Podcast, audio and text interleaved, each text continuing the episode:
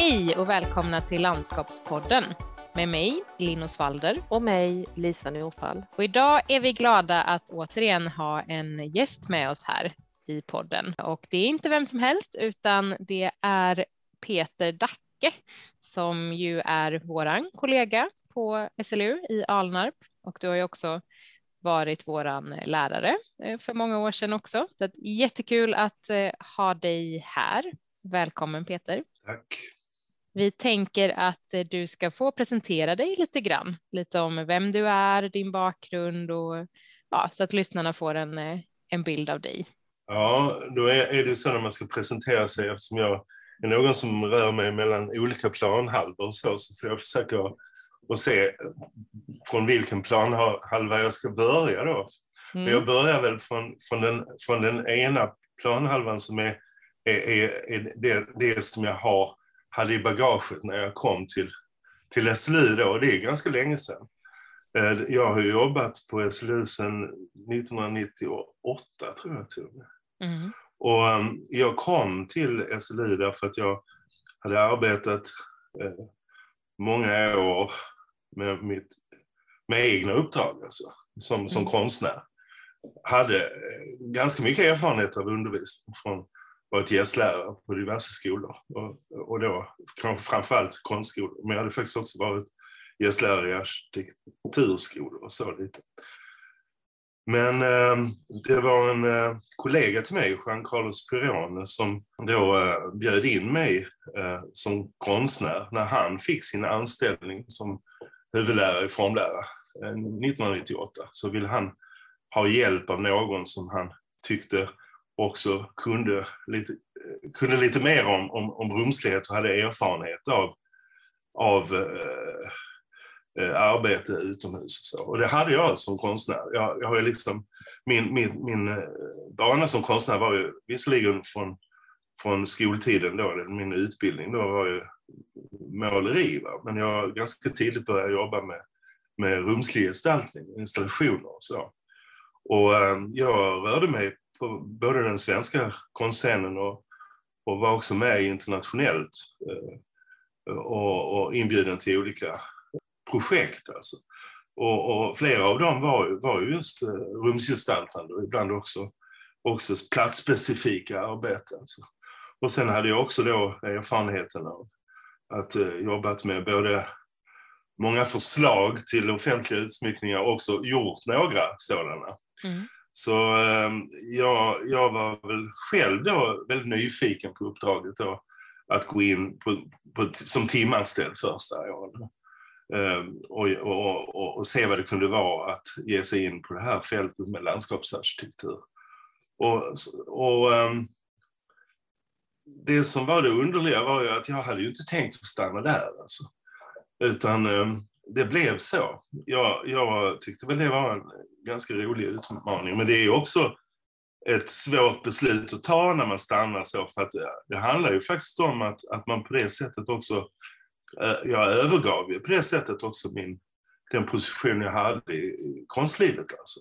Mm. Och ehm, eh, jag kan inte säga att jag ångrar det, men jag kan säga att det är väldigt svårt att behålla den rollen då, om man jobbar så mycket som jag har gjort på SLU. Men jag har ju fortsatt att ändå ha en fot kvar i konstlivet så att säga. Mm. Men, men ska man jobba i samtidskonsten och så, så, så behöver man ju ge 100 procent egentligen. Mm. Så är det ju. Och um, nu höll jag på att komma av men nu gav jag någon liten bakgrund hoppas jag här till, ja. till det hela. Jättebra. Eh, men jag, jag, skulle vilja säga kanske, det är kanske intressant att när jag började ha undervisning så var jag ganska säker på att okej, okay, det här är inte alls samma saker som jag gör med studenter på, på en konstskola. Så jag behövde på något vis programmera om mig. Och så, så. Och um, det tog, tog lite tid och jag hade ju liksom mina, mina idéer om vad landskapsarkitektur skulle vara. Och jag hade också idéer om vad det borde vara kanske. Ehm, och, och visst, visst har jag fått, fått revidera min uppfattning flera gånger under, under de där, framförallt de första åren. Mm.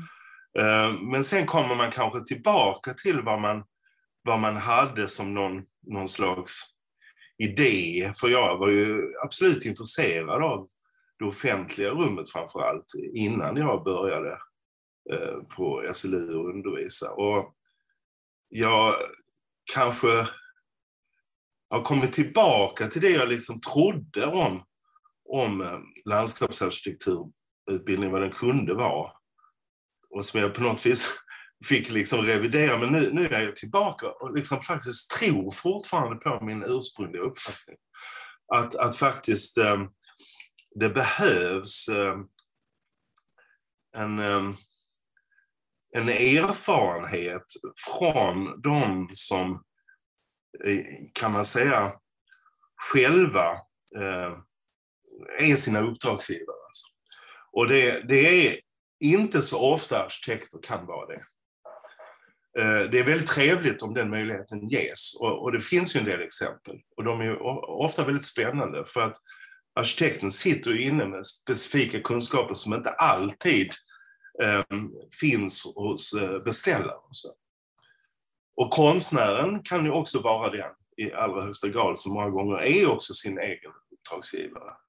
Och de, de, att, att faktiskt titta på de, de exempel som kommer direkt från en, en disciplin, direkt från arkitekten eller från, från konstnärer som arbetar med det platsspecifika, så, så, så, så tror jag att de erfarenheterna är väldigt bra om de får ta mer plats i utbildningen. Så att vi inte bara styr en utbildning utifrån vad beställarna vill ha. För jag menar att beställarna vet kanske inte alltid vad de vill ha. Det finns annan kunskap som också, kan man säga, borde, ehm, ja, inte, om inte undervisa beställaren, så i alla fall på något sätt ehm, problematisera eh, innehållet i utbildningen tillsammans med beställaren.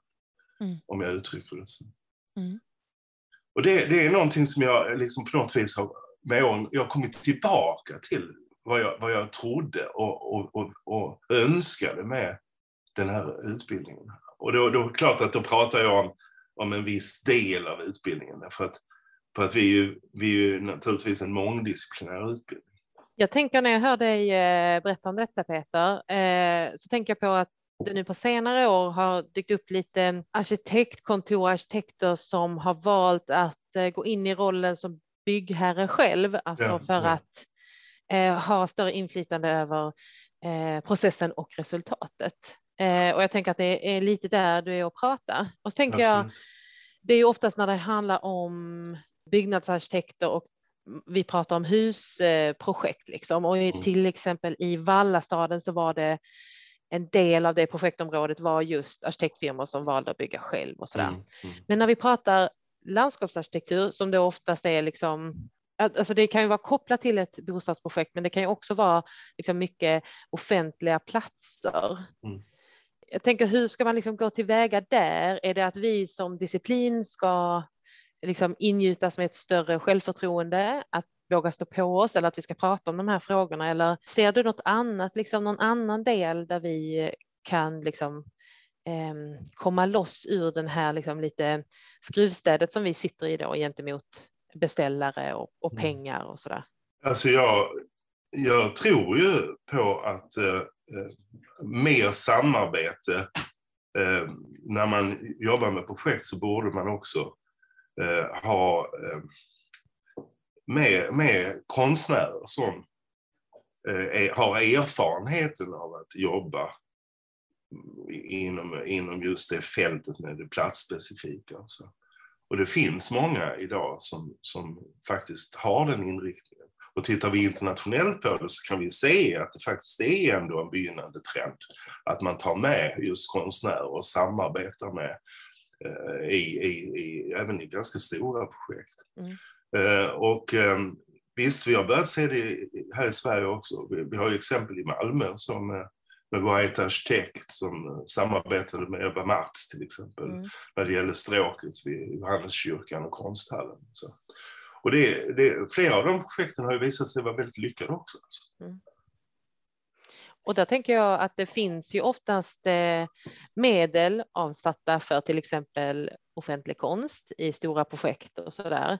Men att det i de projekt där jag har jobbat så har det oftast varit något som liksom kommer efteråt, att vi ska bygga eh, liksom ett resecentrum eller ett stort stråk och sen mot slutet när allt är klart, då bjuder vi in en konstnär som ska liksom lägga någonting på det eller använda någon av de här platserna som finns. Och det känns ju som att det liksom det där är lite för sent i processen egentligen. Ja, den där hierarkin är väldigt besvärlig. Va? För att jag skulle vilja säga att först, först kommer liksom naturligtvis nästan by, byggherrens önskemål. Ja. Men, men, sen, men sen är det också så att det är en rangordning. Ofta är det liksom husarkitekten först. Alltså. Och sen kommer landskapsarkitekterna. Och sen sist, om överhuvudtaget, så kommer konstnären, precis som du säger. Va? Det som är intressant är ju om, om, om redan i den inledande processen, om, om, det, om, om det, alla aktörer är med. Alltså, mm. Det är så man önskar att det skulle vara. Ja. Och, och, när det gäller konst så tror jag att det finns liksom en väldigt dålig... Alltså det, det, det, det, det finns inte så mycket kunskap om, om vad konstnären egentligen kan erbjuda. Så att konstnären ser man ofta som rollen av någon som kan producera ett objekt och sätta på plats. Och det har ju inte alls med detta att göra som jag pratar om. Utan jag, jag menar ju att, att konstnären också har förmågan att kunna jobba med, med rummet och platsen på, på ett mer, mer eh, komplext sätt och mycket mer problematiserande. Eh, så att det är väl det då som man, man, man önskar sig, att, att eh, alla aktörerna skulle kunna jobba bättre tillsammans. Och det kanske också skulle vara ett sätt att, att kunna formulera eh, intentionerna bättre i förhandlingar med byggherrar och liknande och uppdragsgivare. och så. Alltså mer underbyggt, alltså, vad det är man ska göra. Ja, det är jätteintressant det du säger tycker jag, att det finns ju sådana hierarkier mellan olika yrkesgrupper och att vi väldigt liksom, ofta missar den här äh, samordningen och att faktiskt arbeta tillsammans. Och det, det hänger ju mycket på hur, hur projekten är uppbyggda eh, och vad det finns för möjligheter och, och tidplaner och, och, allt det här som liksom själva projektet är uppbyggt ur. Men det är väldigt intressant när man hör dig prata nu om liksom, som konstnär utifrån det perspektivet och den processen, att processen i sig kan se ganska lika ut inom många, eh, många olika kategorier eller yrkeskategorier. Mm. Eh, och att vi jobbar på ganska samma sätt, men vi missar att, att samordna oss och faktiskt göra det tillsammans. Ja, ja absolut. Det, det, det är, är, väl ett...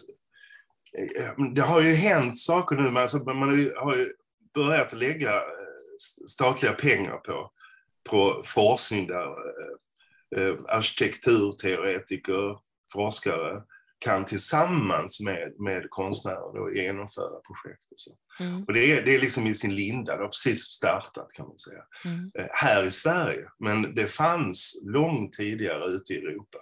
Alltså när jag, när jag var relativt ung fortfarande så, så var jag inbjuden till ett fantastiskt projekt i, i, eh, i Tyskland, i Ruhrområdet.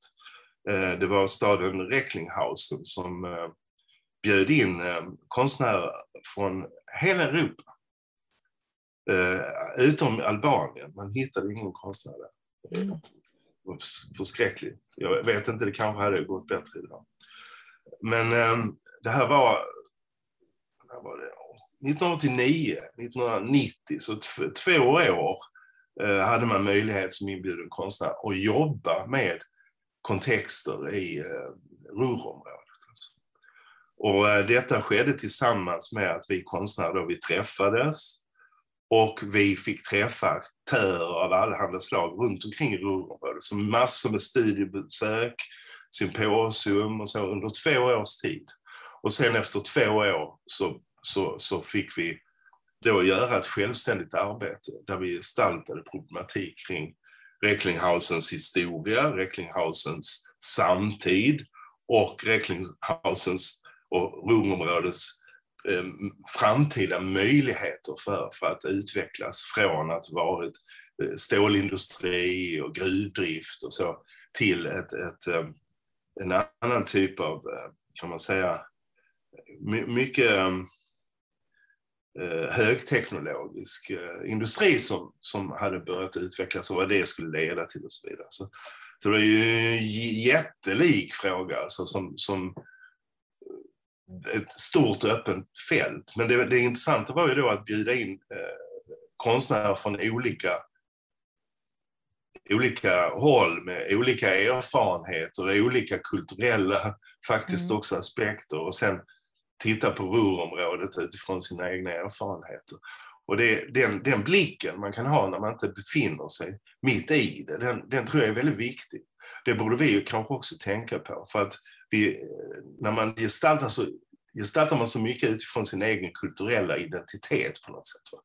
Men, men om, om man, om man eh, bjuder in människor med andra eh, från, från, som har, har erfarenhet av lite andra sammanhang så kan det skapa öppningar och nya idéer som man själv, själv i, i sin egen värld på något sätt är, är blind för.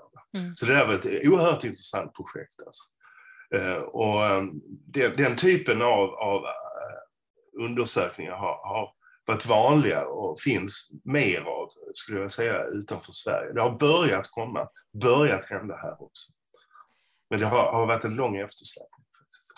När du säger det Peter så tänker jag att eh, alltså jag börjar tänka varför är det så här i Sverige då? Och, eller varför är det så här överhuvudtaget i våra projekt? Och att det kanske bottnar sig i någon slags eftersträvan för liksom att vi ska vara rationella och effektivitet oftast, liksom att vi får, vi får inte göra någon misstag i processen här nu, utan det ska gå liksom på banan hela vägen. Sen vet vi att det, det blir ju sällan så och i det långa loppet eh, vet vi ju att eh, processer behöver ta tid och vi behöver liksom ha alla med från början och så där. Och att det kanske handlar om att vi liksom vi behöver rucka lite på det svenska sättet att se på, jag tänker just liksom utveckling och byggande. Att vi måste liksom, att vi är lite rädda för att inte vara effektiva. Ja, jag, jag tror du sätter fingret precis på vad, vad det kan handla om. Alltså, det, det är en, en tradition att vara väldigt rationella. Men, det, men om man är för rationell i starten i en process va, så riskerar det att man fortsätter att upprepa alla de gamla misstag som finns i bagaget, som finns, finns liksom planterade där i det rationella resonemanget. På något sätt. Därför man, man följer en, en logik som bygger på en viss grund. Om den grunden egentligen faktiskt inte är så stabil som man tror, så, mm. så riskerar det alltså, till slut att bli lite koloss på lerfötter. Alltså, I samband med vad vi nu står inför med klimatförändringar och allt vad det nu är och så, så, så, så måste vi kunna börja ibland tänka nytt. Och, och, och, för att göra det måste vi vara beredda, tror jag, på att, att eh, också kunna ta eh, rejäla språng tankemässigt, där vi inte bara kan utgå ifrån sådant som är evidensbaserat. Vi måste ha chansen till att göra undersökningar, även av det som kan te sig eh, kanske inte helt logiskt vår uppgift är att våga prova även det ologiska, men sedan också ha kapaciteten att eh, rationellt bearbeta eh, undersökningen för att den ska kunna bli en lyckad transplantation eh, som gestaltning. Mm.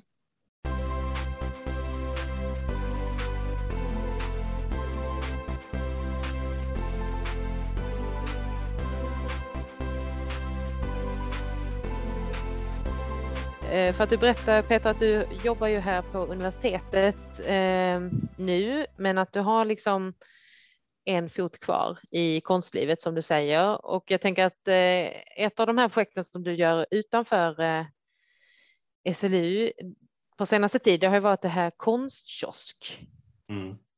Så jag tänkte att du kan väl berätta lite om vad det är för projekt och vad det kom ifrån.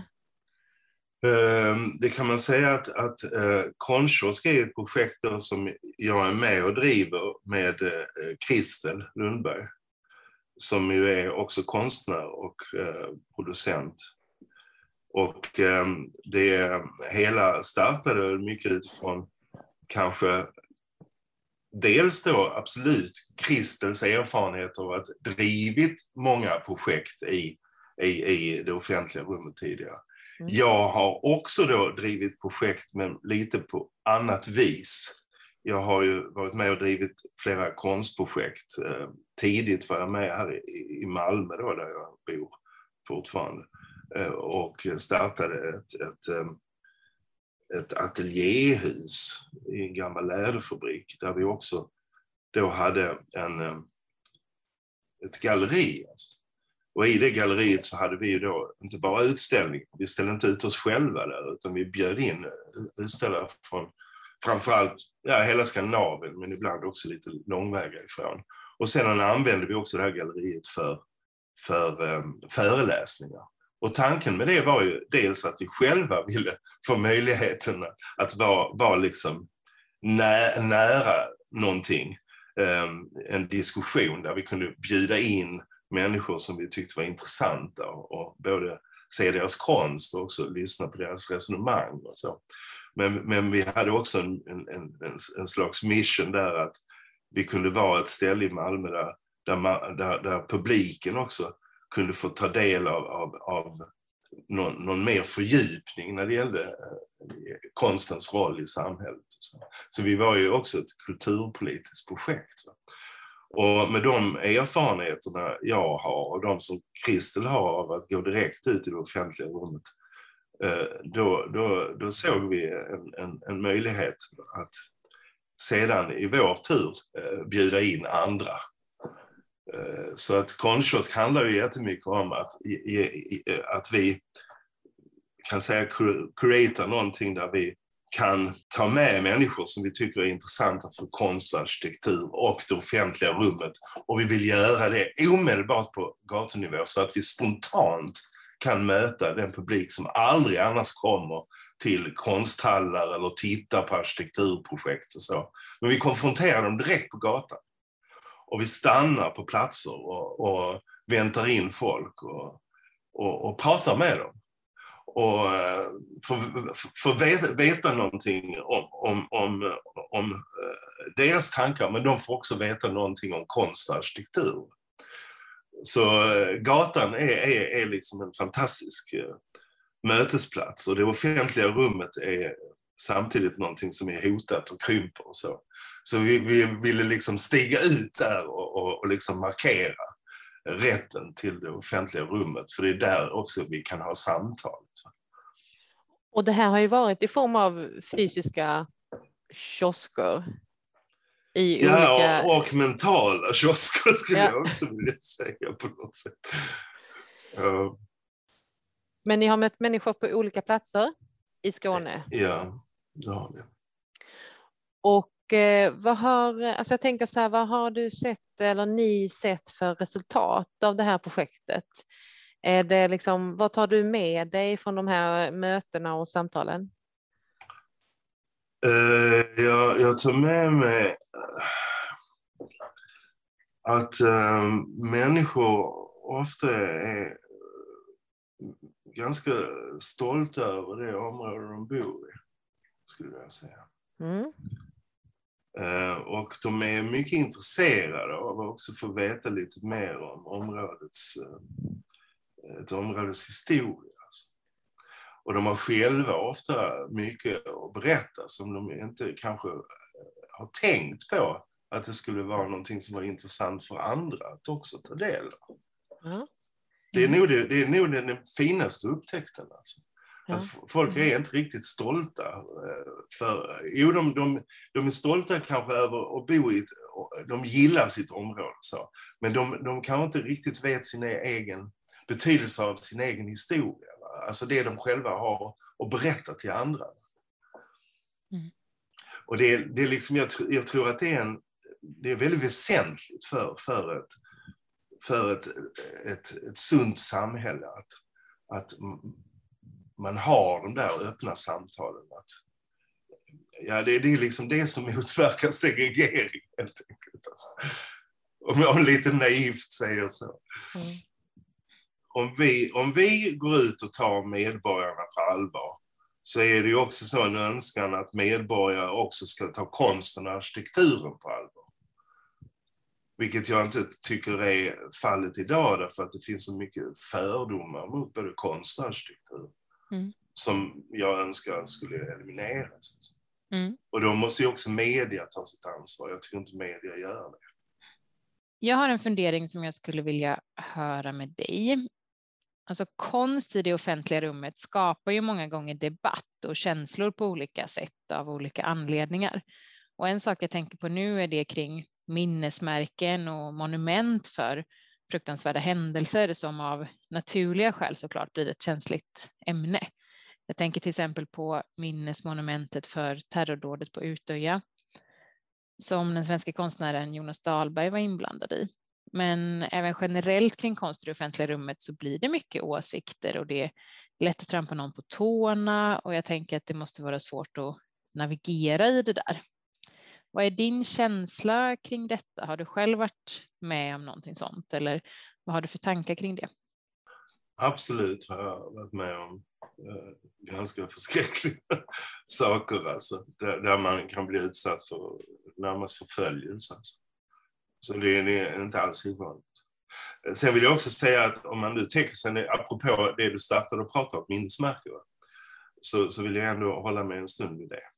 Och då, då tänker jag så här, att uh, ett minnesmärke, om, om det ska vara någonting som är av verklig betydelse, så det är klart att det kommer att bli en hel del människor som uh, inte känner sig bekväma. Mm. Men om det inte blir någon diskussion kring ett minnesmärke, hur ska vi då förvänta oss att någon ska minnas det där minnesmärket? Mm. Alltså det, det liksom ligger i sakens natur. Alltså. Och det, det, det, man får ha, ha som tillförsikt är att man, man får lita på, på att tiden gör att um, ett, ett, ett uttryck kan successivt få, få bli en del av eh, det gemensamma arvet. Mm. För det är så det funkar, så har det fungerat också för arkitektur. Alltså. Den är väl också ofta utskälld. Alltså. Det, det, finns ju det här arkitektupproret till exempel som mm. alltid ska förlöjliga nya byggnader. Och det är väl inte, inte alltid man tycker att de har, har så vettiga argument måste jag säga. För det är, är ju så att man kritiserar någonting så kan man ju också kräva att man eh, då är lite mer insatt egentligen. Mm. Annars kanske man ska vänta lite med sina... Um, även om jag tycker vi ska ha en levande fri debatt så, så, kan man ju förvänta sig någon anständighet. Men just när det gäller konst och arkitektur så, så kan det vara ganska... Ja, tyvärr, man tar till ganska billiga metoder. Mm. Jag, jag tänker... önskar, önskar att vi hade liksom lite högre kulturell, eh, ska man säga, nivå eh, hos medborgarna. Som jag tror man har faktiskt lite mer i andra länder än i Sverige. Här, här finns någonting som är ett problem. Alltså med att inte se, se konsten och arkitekturen som, som just måttstocken på demokrati. Alltså. Utan istället så ska man motarbeta det. Mm. Jo, jag tänker att det ligger något i också att, att liksom kritisera något eller liksom tycka att det där var inget bra. Eh, då får man ju liksom automatiskt ett litet övertag. Så att liksom avfärda något är lättare än att eh, säga att det här har ju ett värde eller det är bra. Liksom. Mm, mm. Eh, särskilt om man känner sig kanske lite osäker på något eller lite utanför en sfär. Så det är kanske liksom att det handlar om att man ska vara modig och våga stå för att något är trevligt och sådär. Mm, mm. Mm. Ja, och, och jag tänker tillbaka på liksom ens egna upplevelser när man har arbetat med offentliga rum genom landskapsarkitekturen då så, så upplever jag att det är ju när det kommer till yrken som vårat till exempel så är det, det är väldigt lätt för människor att ha åsikter om eh, hur någonting ser ut, alltså just det här gestaltningen. Kanske för att processen i sig inte är så synlig, utan det som mm. levereras till eh, allmänheten och till eh, liksom brukarna, det är ju den färdiga produkten och att det, det är svårt att se hur olika val har gjorts och varför saker har blivit som det har blivit. Men det är lättare att kritisera en sådan sak än att kanske gå in och kritisera en ingenjörsuträkning om någonting Mm. eller någonting som är lite mer konkret att, att ta på. Eh, och det, det handlar kanske om att processen just inte är så transparent alla gånger eller att det, det är svårt att, att greppa varför det blir som det blir. Ja, det är, det är väl alldeles riktigt.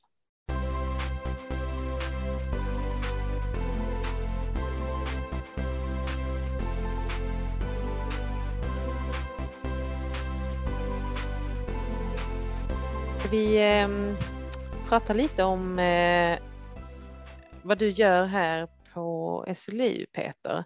Du nämnde ju där i början att det är formlära som du kom in i från början och du undervisar ju i formlära på de olika programmen. Eh, berätta lite vad, vad det är för något för den som inte har läst på eh, Alnarp. Oj, det, det är liksom på något sätt skulle jag vilja säga att det, mitt förhållande till att undervisa i formlära inbegriper att jag, är på rätt spår tillsammans med kollegor så länge jag själv också blir överraskad av resultat. Så, så därför kan jag inte liksom... Um, och det, därför måste det finnas... Man har intentioner, vad man vill, men alltså det, det, det är viktigt att detta ingår. Att inte allting är stipulerat eller allting är bestämt på förhand. Men det är klart, sen finns det det där som är grundläggande på eh, vår utbildning. Att man ska ha sina verktyg och sina redskap. Men eh, det är inte helt självklart vad man ska alltid göra med dem. Utan det, det är någonting som, som måste vara... Och där, där faktiskt måste man träna också sin, sin intuitiva förmåga. Och, och kolla vad, hur långt den bär. Och sen har man då också eh, den här rationella biten. Där man, där man kan fortsätta och sen försöka få styr på även tokiga idéer. Men de tokiga idéerna måste få lite plats. För de är det som, som, eh, som mäter, eh, skulle jag vilja säga, eh, styrkan i, i, i kreativiteten. Eh, eh, om man, om man eh, inte vågar släppa lite taget så kommer man inte göra annat än att kopiera. Och våra studenter måste också få lov att prova att göra någonting som inte står i facit. Men verktygen, ja, de är viktiga. Och det finns också eh, saker som många som kommer till vår, de flesta som kommer till vår utbildning är väldigt, väldigt ovana vid. Eh, man är så präglad i vårt samhälle av produkter, färdiga produkter. Så om man börjar eh, landskapsarkitektur, kanske med tanken på att det är lite som att möblera, att placera ut objekt, så är det ju en lång process att komma dit att man förstår att så är det ju inte alls. Utan det är någonting annat som krävs innan mm. man tar det steget. Alltså. Så att, att, och det framförallt handlar också om att ge plats för me, me, människor, och djur och ekologi och så mellan de här objekten i så fall. Och växterna och vad det nu är. Jag tänker att vi är väl många landskapsarkitekter som har eh, försökt förklara för någon eh, bekant på en middag eh, vad man gör och så får man det här svaret. Jaha, du, ja, men du sätter ut träd i Just parken. det, vi förstår. Eller du placerar just det här med att möblera, att man ser liksom. Man vet vad arkitektur är ungefär. Det är ju att rita hus i den här liksom enkla eh, eller väldigt förenklade bilden och då är landskapsarkitektur. Det måste ju vara att möblera det som är emellan. Ja, vi brukar ju säga till våra studenter när de kommer där för, först i introduktionskursen alltså. Eh, hit har ni kommit för att bland annat lära er att, att designa luft.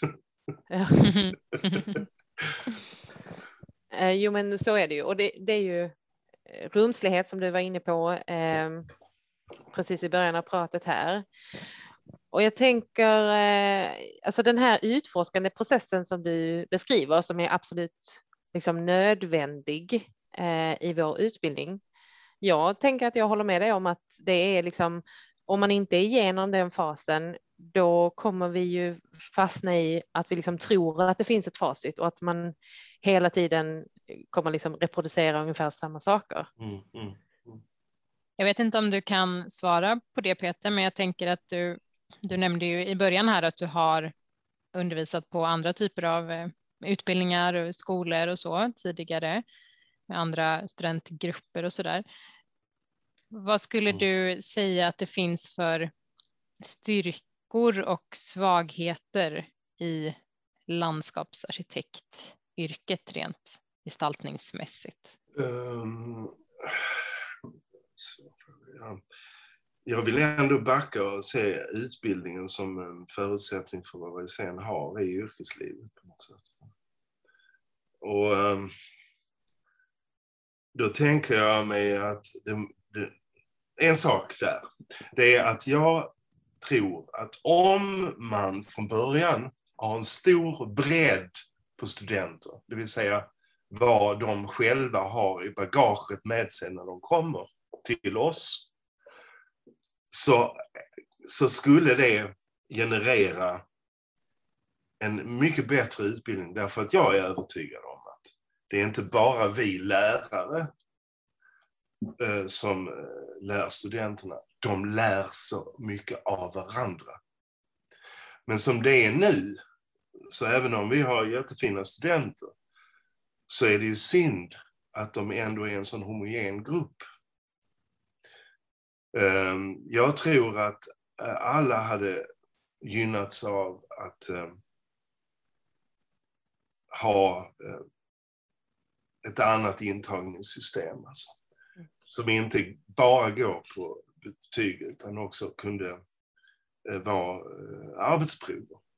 Jag, jag, tror att ehm, jag skulle vilja se en, en sån eller jag tror på det, det som en verkligen möjlighet till att, att, att få en, en, en, en, bättre utbildning.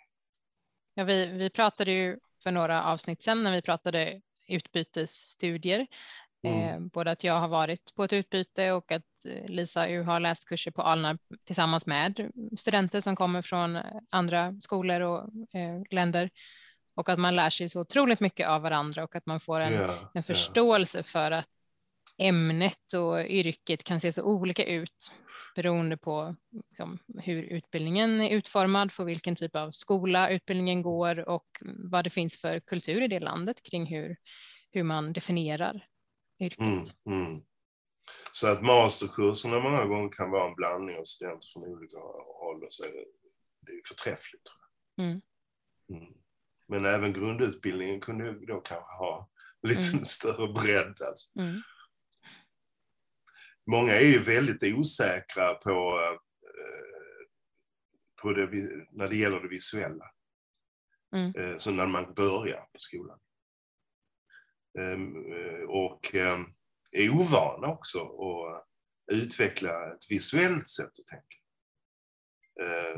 Många, om man, om man nämner just en, saker som är ska man säga, visuella resonemang som väldigt många i början mycket svårt att förstå vad man menar. Därför att eh, för de flesta kommer orden först. Mm. Mm. Men eh, vår hjärna fungerar inte så. Det är ju, är, ju, är ju så att vår hjärna är hela tiden sysselsatt med att bearbeta synintryck.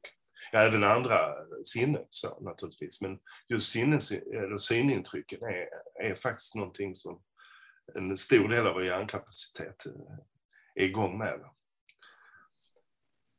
Och um, det är inte så självklart för alla. Alltså.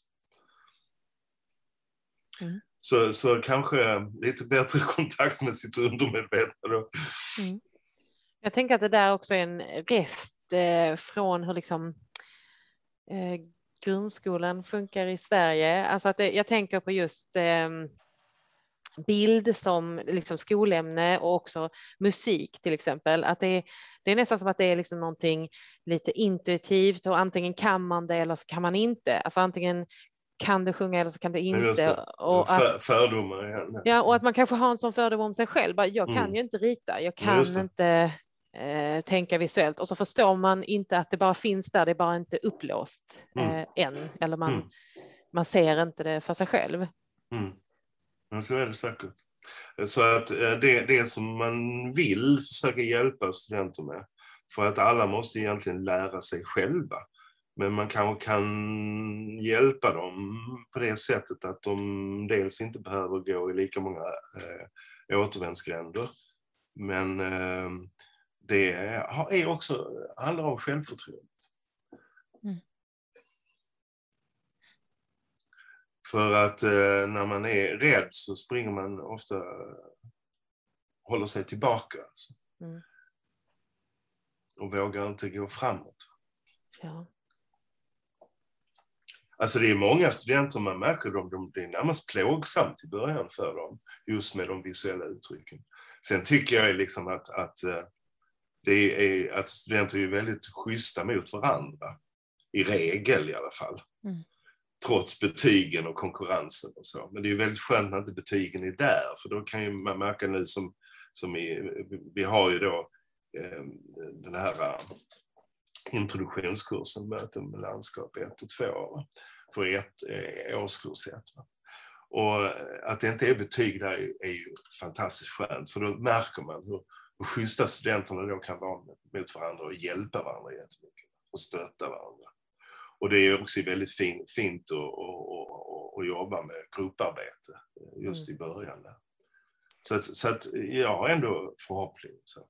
Ehm, men eh, det, det, finns en del i utbildningen som är, är, i vägen. Och just när det gäller det visuella så är det inte bra att ha betyg. Det är jättedåligt för att ehm, det tar så lång tid att utveckla eh, sitt, sitt visuella tänk så att ehm, det händer ibland eh, flera år senare. Ja. Mm. Och då är betygen redan satta. Mm. Så det är fullständigt idiotiskt att ha det på det sättet som vi har. Jag har formlärare ska sätta betyg. Och sen så träffar jag studenter två år senare och så säger de ah, nu har jag börjat liksom jobba med det där och förstå det där som vi gjorde i formlära. Mm. Jaha, men jag har redan satt betyg. Och i, i, kopplat till den här explorativa processen så kan det också bli ett hinder, tänker jag, att det, egentligen ska man inte ha huvudet i betyget där, eh, utan det är såklart viktigt att känna sig fri.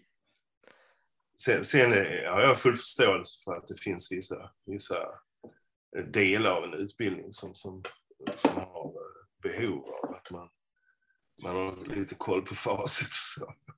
Men, men, men eh, väldigt mycket skulle vara bättre utan istället satsa på att utveckla resonemang.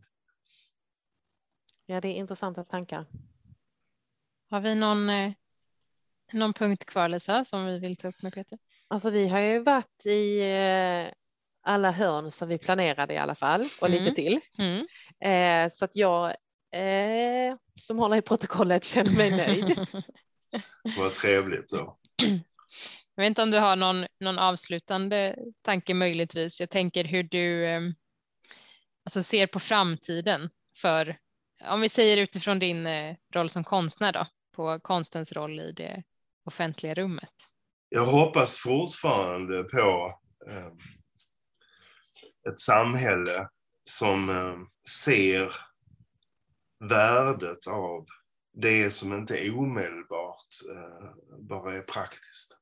Och jag hoppas att det också är någonting som eh, hålls fram i vår utbildning.